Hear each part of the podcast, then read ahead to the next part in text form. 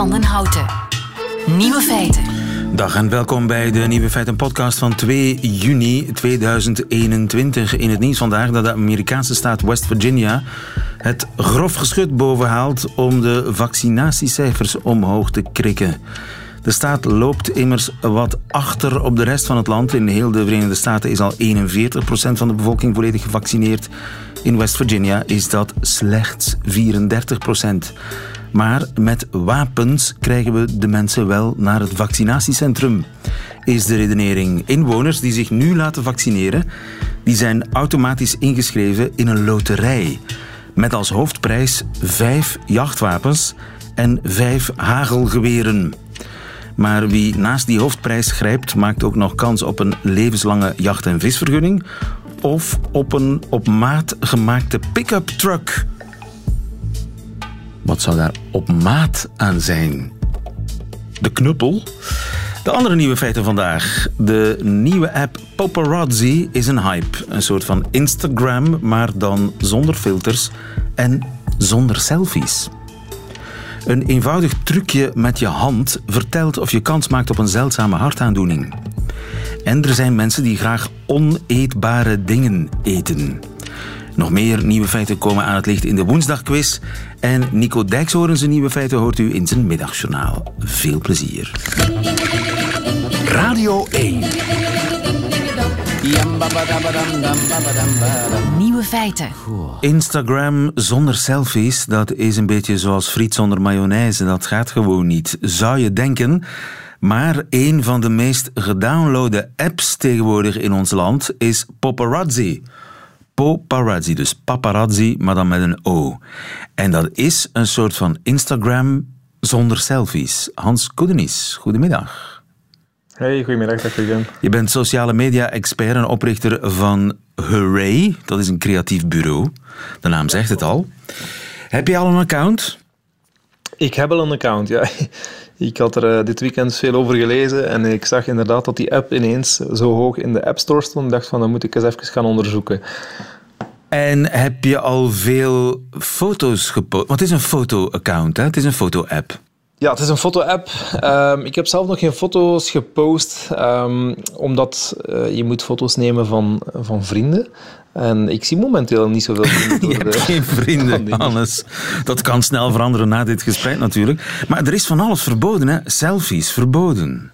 Ja, dus is de, bedoeling van de app is inderdaad dat je geen selfies neemt en ook dat de foto's niet bewerkt worden. Ook kan je de foto's niet van een commentaar gaan voorzien. Het is eigenlijk een soort van stripped-down versie van Instagram, uh, waar je foto's van je vrienden moet nemen. Dat je eigenlijk een paparazzo wordt uh, van jouw vriendengroep. Dus niet vreemde mensen, mensen die je niet kent op straat uh, fotograferen. Het moeten vrienden zijn. Nee, het is inderdaad zo. De app is uiteraard ook een soort van social network. Wat betekent dat je vrienden moet hebben. En als je een foto wil posten, dan moet je ook meteen de persoon taggen die op de foto staat. Ah, um, dus die moet ook een account er... hebben op uh, Ja, die moeten ook een account hebben. Je kan wel mensen taggen die, niet, die nog geen account hebben, maar dan maak je een soort van half profiel aan voor hem. En dan kunnen zij alsnog die foto's claimen eens ze op de app komen dan. Nu, uh, strikte regels, redelijk fundamentalistisch zelfs, want je mag geen commentaar erop zetten. Nee, je mag, uh, je mag ook geen filter toevoegen. En je mag ook alleen maar de front-facing camera gebruiken, hoe zo heet dat dan. Dus niet de selfie-camera die op je telefoon zit, uh, om tegen te gaan dat je selfies van jezelf gaat posten. Ja. Maar uh, waarom al die strenge regels? Ja, je moet dat eigenlijk een beetje zien. alles is al uitgevonden. Uh, we hebben Instagram, we hebben TikTok, we hebben Facebook, we hebben Snapchat. En uh, ja, die entrepreneurs zoeken altijd maar nieuwe dingen om, uh, om mee te scoren. En het is een beetje in de tijdsgeest van nu, waarbij jongeren zeggen van ik voel veel te veel druk door al die soort van netwerken als Instagram, waarbij ik perfect versies van mezelf moet tonen de hele tijd. En dan op zo'n moment komen apps als deze eigenlijk wel als geroepen. Het voelt allemaal een beetje minder gedwongen aan. En, uh, en minder narcistisch ook. Geroepen.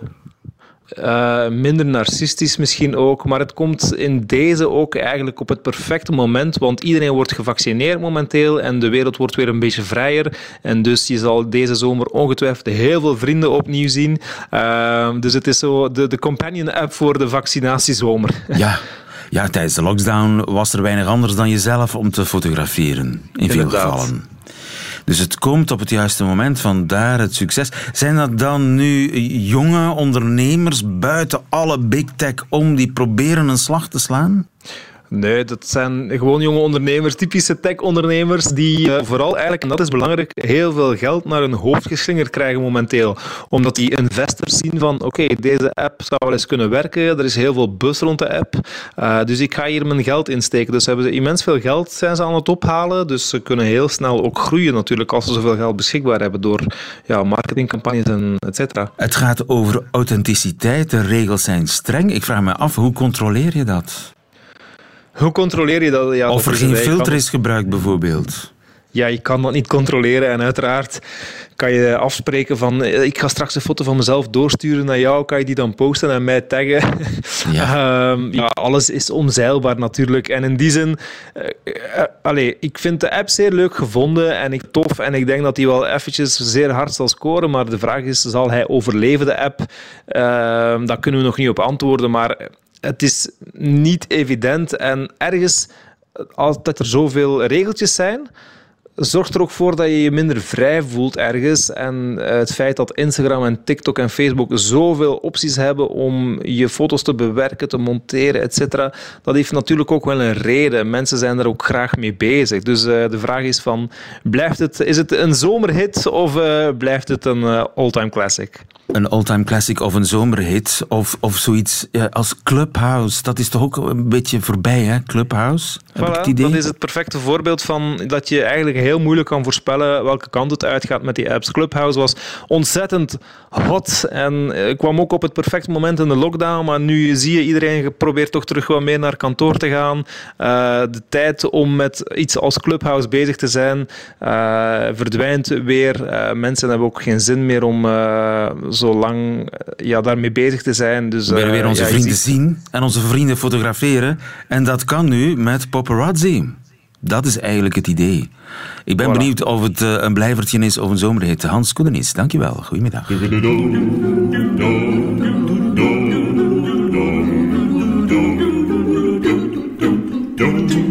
Nieuwe feiten.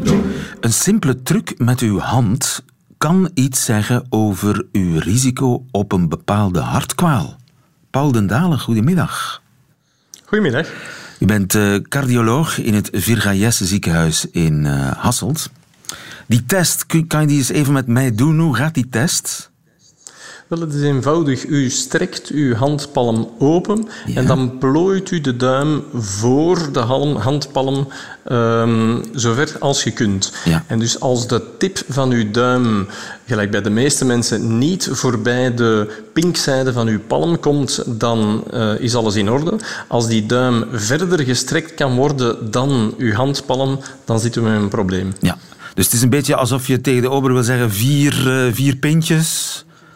En, en daarbij dan je duim zo ver mogelijk eh, over je hand heen strekken. En ja, inderdaad, bij mij kan die duim niet, raakt niet voorbij de rand van mijn hand. Dus eh, ik hoef mij over die wel bepaalde hartkwaal geen zorgen te maken. Als die duim er wel overheen gaat, dan is er een kans dat ik die kwaal heb, maar dan is het nog niet zeker.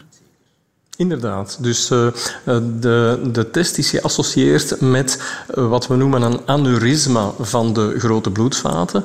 En aneurysma betekent eigenlijk dat uw bloedvat uitzet. De grote bloedvaten zijn 2, 3, 4 centimeter groot, de aorta. En bij sommige mensen gaat die naar 5, 6 centimeter. En dan spreken we echt over een probleem. En wat kan er dan gebeuren als die aorta te wijd is?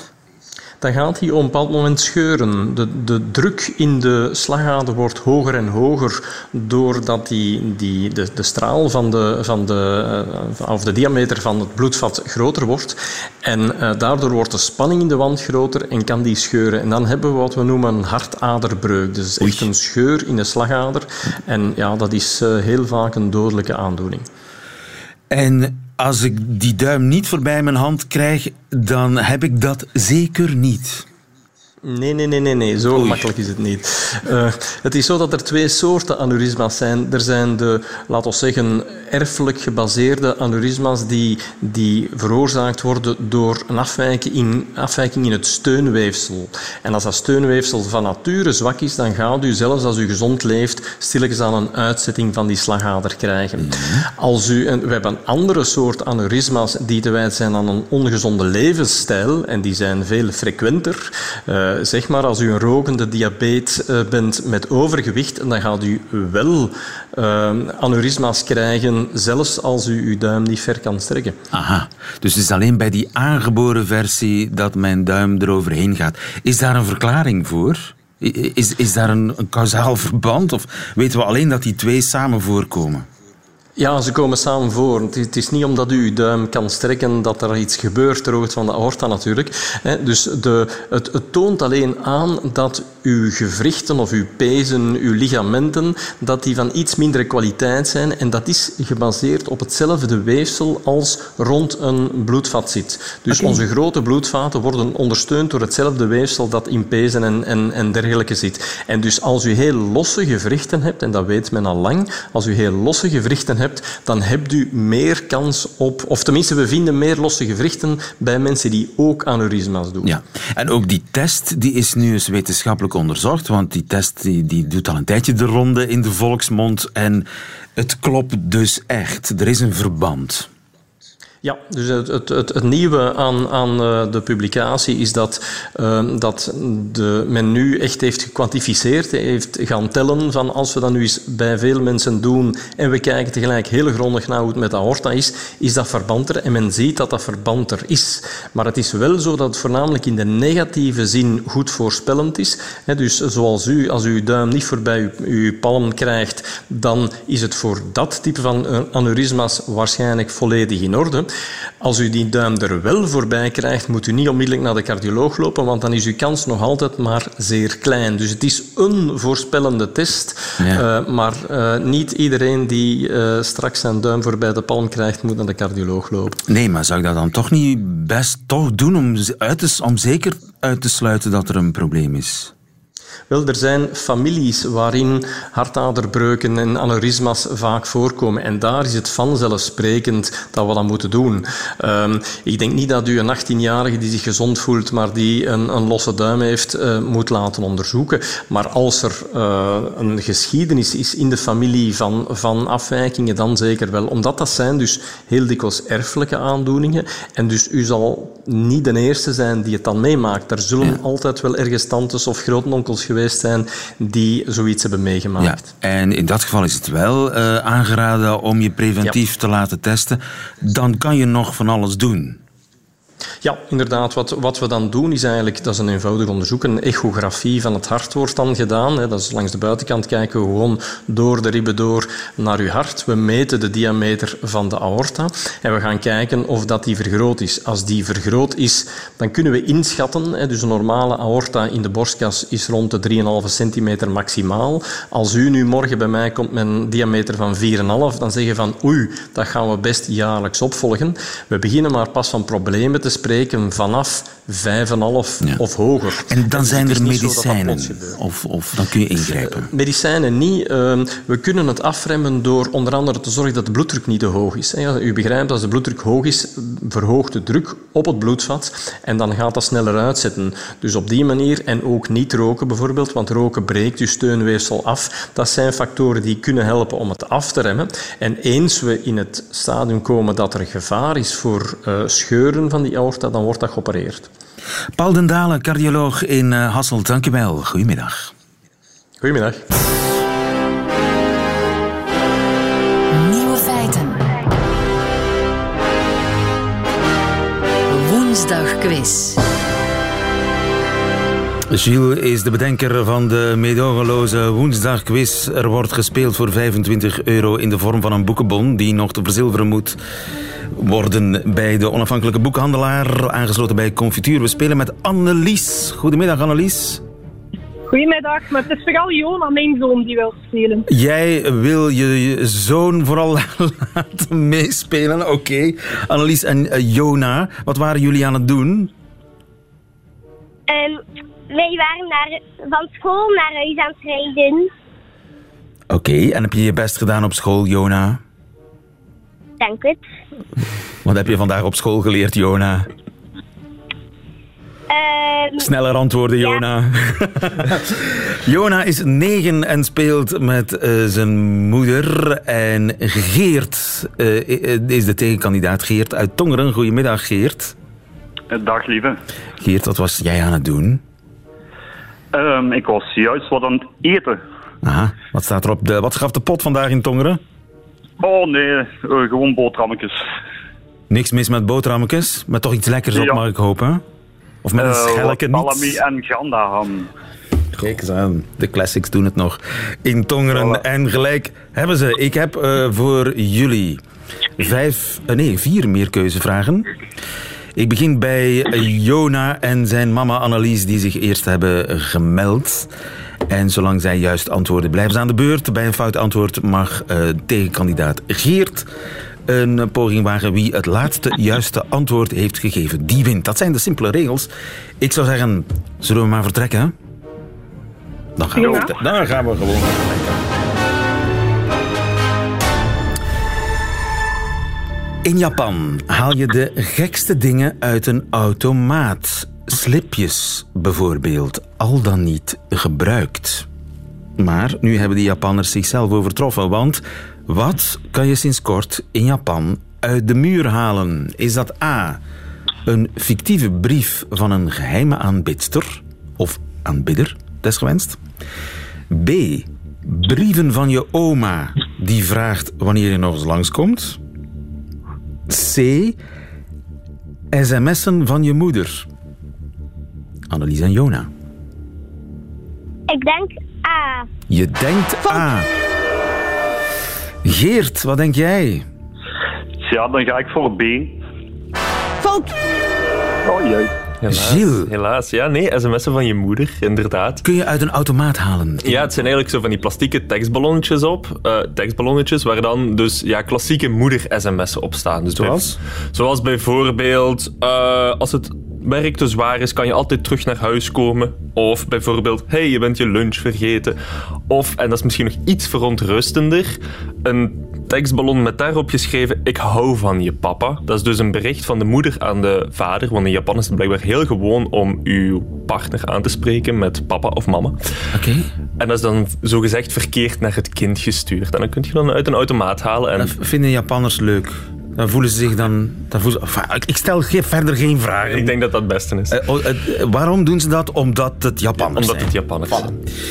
We gaan terug naar Anneliese en Jona voor vraag 2. Een Italiaanse kunstenaar heeft een bijzonder werk verkocht voor 15.000 euro. Wat maakt dat kunstwerk zo speciaal? A. Het is een onzichtbare sculptuur. B. Het is een schilderij van koeienmest. En het stinkt zo hard dat het nergens tentoongesteld kan worden. C. Het is een dode duif die hij op straat heeft gevonden. A, B of C? C. Je denkt C. Het wordt een spannende quiz. We gaan terug naar Tongeren. Wat denkt Geert? Ja, misschien onwaarschijnlijk, maar ik ga toch nog eens voor B gaan. Het is een onzichtbare sculptuur voor 15.000 euro. En Wauw. Ja, en het is, je zou zeggen, misschien van een onzichtbaar materiaal gemaakt, maar nee, het is gewoon Niets. niks. Anderhalve meter op anderhalve meter leegte. En het moet anderhalve meter op anderhalve meter zijn, volgens het certificaat dat de koper heeft Aha. gekregen. Dat is trouwens het enigste wat die gekregen heeft. Moet toch veel uitleg ook. Ja, eh, nee. nee. Gewoon, dit is anderhalve meter op anderhalve meter. Maar om- wat moet je daarmee? Ja, dat is conceptuele kunst, zeker. Dat, oh, het, het heeft die grootte om Je, je mag het ideale kunstwerk verzinnen. Volgens mij is dat de bedoeling. Kijk eens. ik- Ja, het, is, ik- ik, eh, het heeft die grootte om alle gedachten en zorgen van de kunst had mij te moeten in- inhuren om eh, de eh, kunsthistorische uitleg erbij te geven. We gaan terug naar Annelies en Jona. Over heel de wereld gebruiken mensen hetzelfde hulpmiddel om Engels te leren. Welk hulpmiddel? A. Interviews van Donald Trump, omwille van het simpele taalgebruik. B. Friends, de serie Friends. C. De lessen Engels van Basil Fawlty aan Manuel in Fawlty Towers. Jona, C. je denkt C. Fout. Weet je wie Basil wou is, Jona? vragen. Weet jij wie Basil Fawlty is? Nee, nee, dat, dat zal hij ooit inhalen. Geert, wat denk jij? Hè? Ja, ik heb dat gisteren toevallig gehoord. Ik denk dat het B is. Dat is helemaal goed. Eerste goede antwoord. Eerste goede antwoord in de quiz. Je wist het. Jojo. Ja, ja. De- dus eh, F- eh, Friends is ideaal om Engels te leren. Ja, en het, het, het makes sense als je erover nadenkt. Want de, de verhalen waar de personages in terechtkomen, beginnende liefdes, beginnende carrières, zijn natuurlijk dingen waar studenten allemaal mee te maken krijgen. En Het gewone leven qua. het gewone leven en het taalgebruik is natuurlijk ook simpel. Dus En als je denkt dat Gilles soms dingen zit te verzinnen, nee hoor, dat is allemaal echt waar. absoluut. We blijven bij Geert, want die had dat goed eh, niet, niet eens geraden. Hij wist vraag 3. Vraag 4.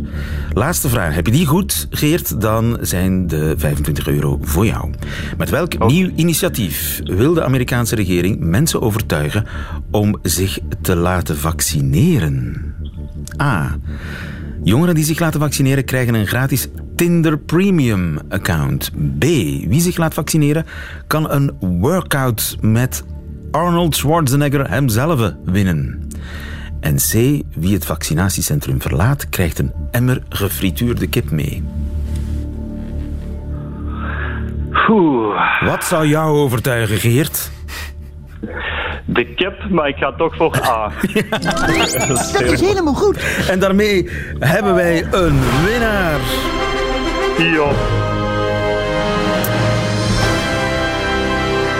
Een Tinder Premium account, zeg. Ja, ja, ja, ja dat bestaat. Ehm, maar de Amerikaanse regering is dus gaan samenwerken met Tinder en enkele andere dating-apps.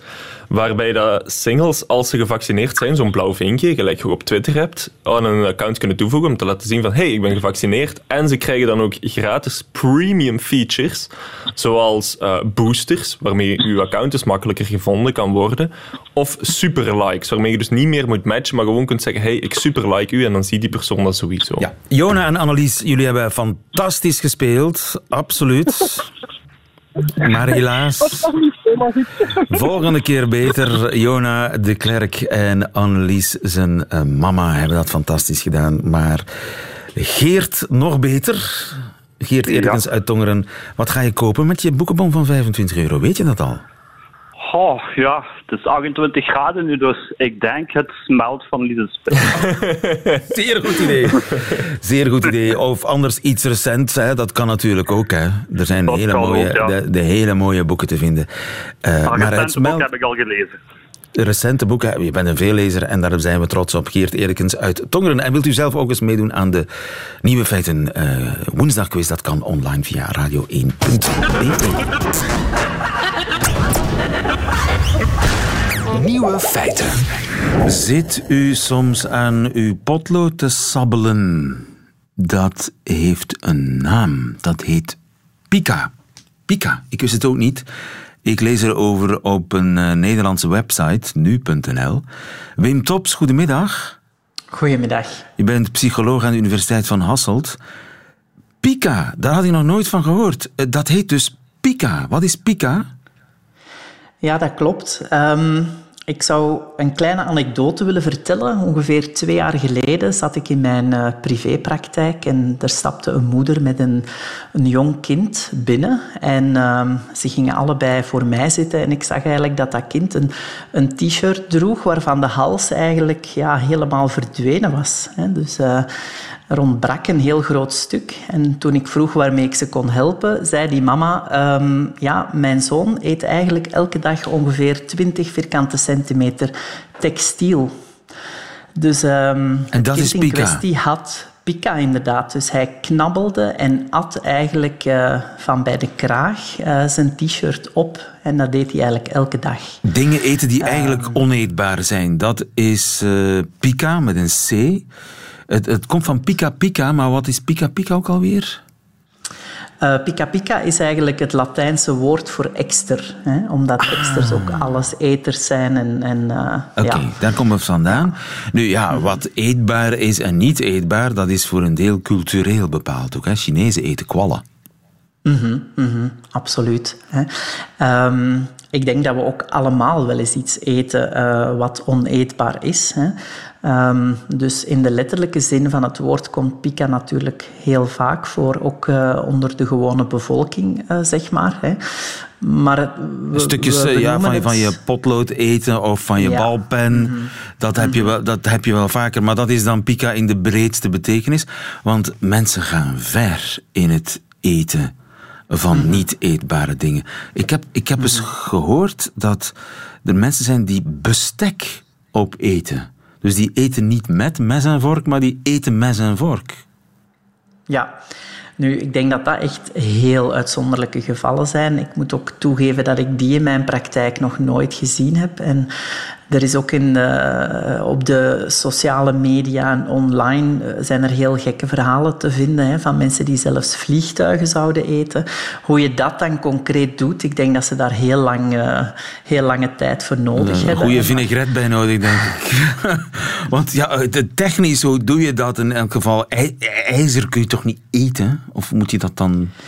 Ja, maar als je daar heel lang op blijft bijten, hè, dus het, het verdwijnt natuurlijk niet helemaal. Hè, dus dat, dat, dat geloof ik ook niet. Hè, maar het gaat gewoon over het feit dat mensen wel aangenaam vinden om met dat bestek in hun mond te zitten, daarop te bijten. Die metaalsmaak die er dan vanaf komt, die, die, die heeft een bepaald zintuigelijk, zintuigelijk effect. Dat is een bepaalde prikkel die ze eigenlijk uh, graag opzoeken.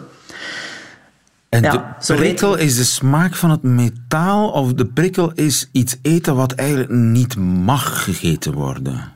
Dat kan denk ik allebei. Hè. Dus uh, daarin zien we heel veel verschillen. We zien bijvoorbeeld pika vaak voorkomen bij mensen met autisme. En van mensen met autisme weten we dat ze heel graag bijzondere uh, zintuigelijke prikkels opzoeken. En dat zou dan ook verklaren waarom deze mensen wel vaak dingen eten die niet voor consumptie bestemd zijn. Hè.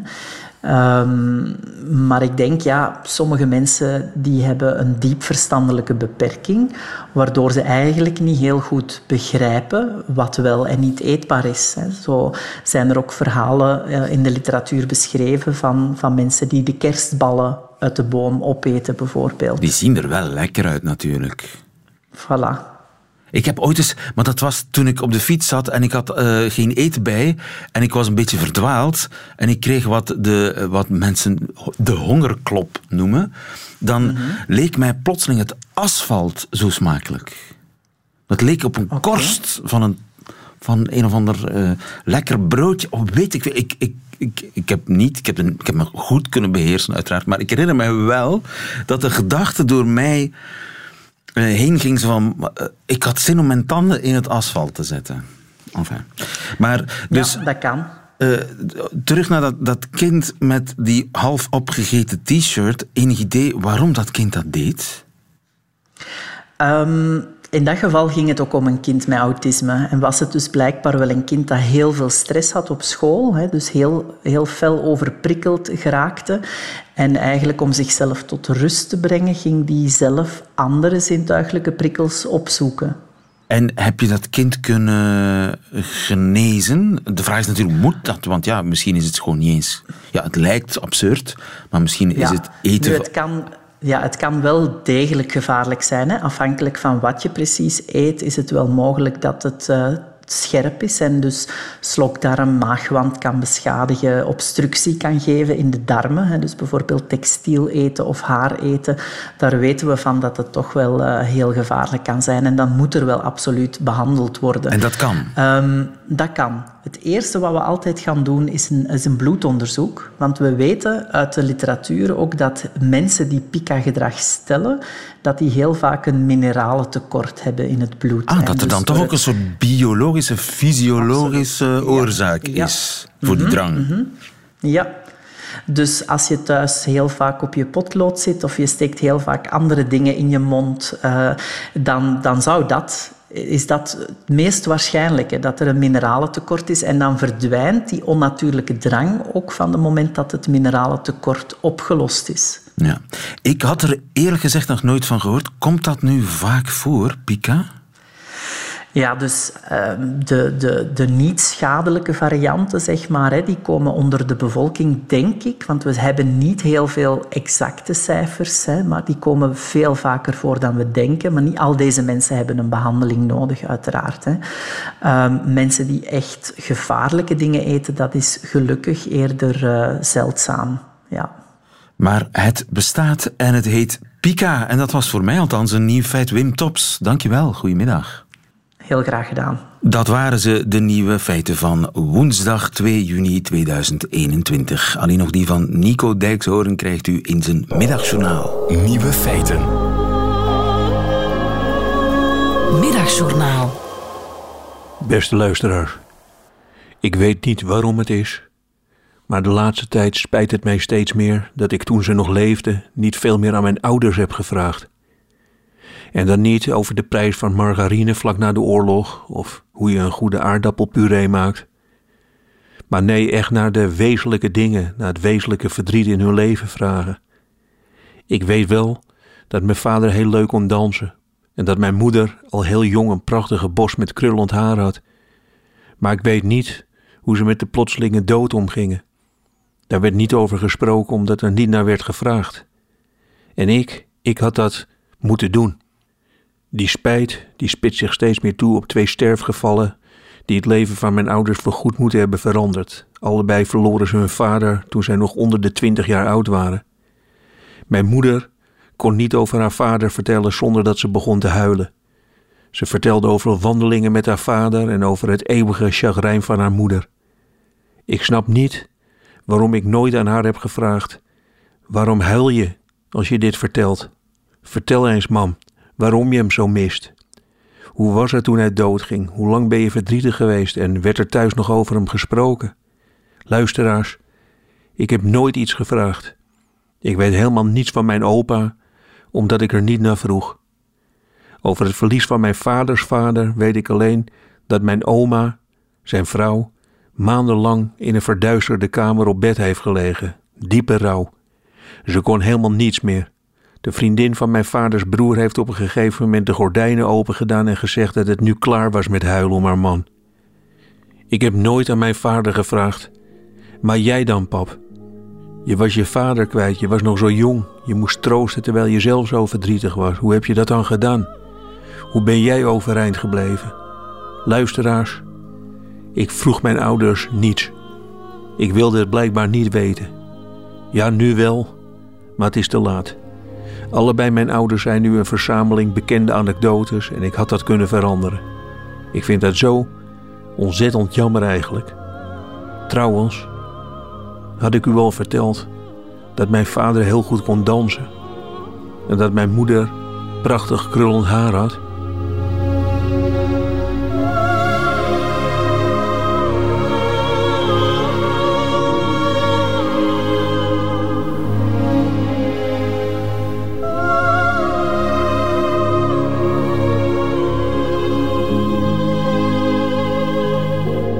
Middagjournaal. En veel mensen voelen zich uiteraard betrapt op dit ogenblik. Het Middagjournaal met Nico Dijkshoorn. Einde van deze podcast. Hoort u liever de volledige nieuwe feiten met de muziek erbij? Dat kan natuurlijk via onze app of via onze site. Graag tot een volgende keer.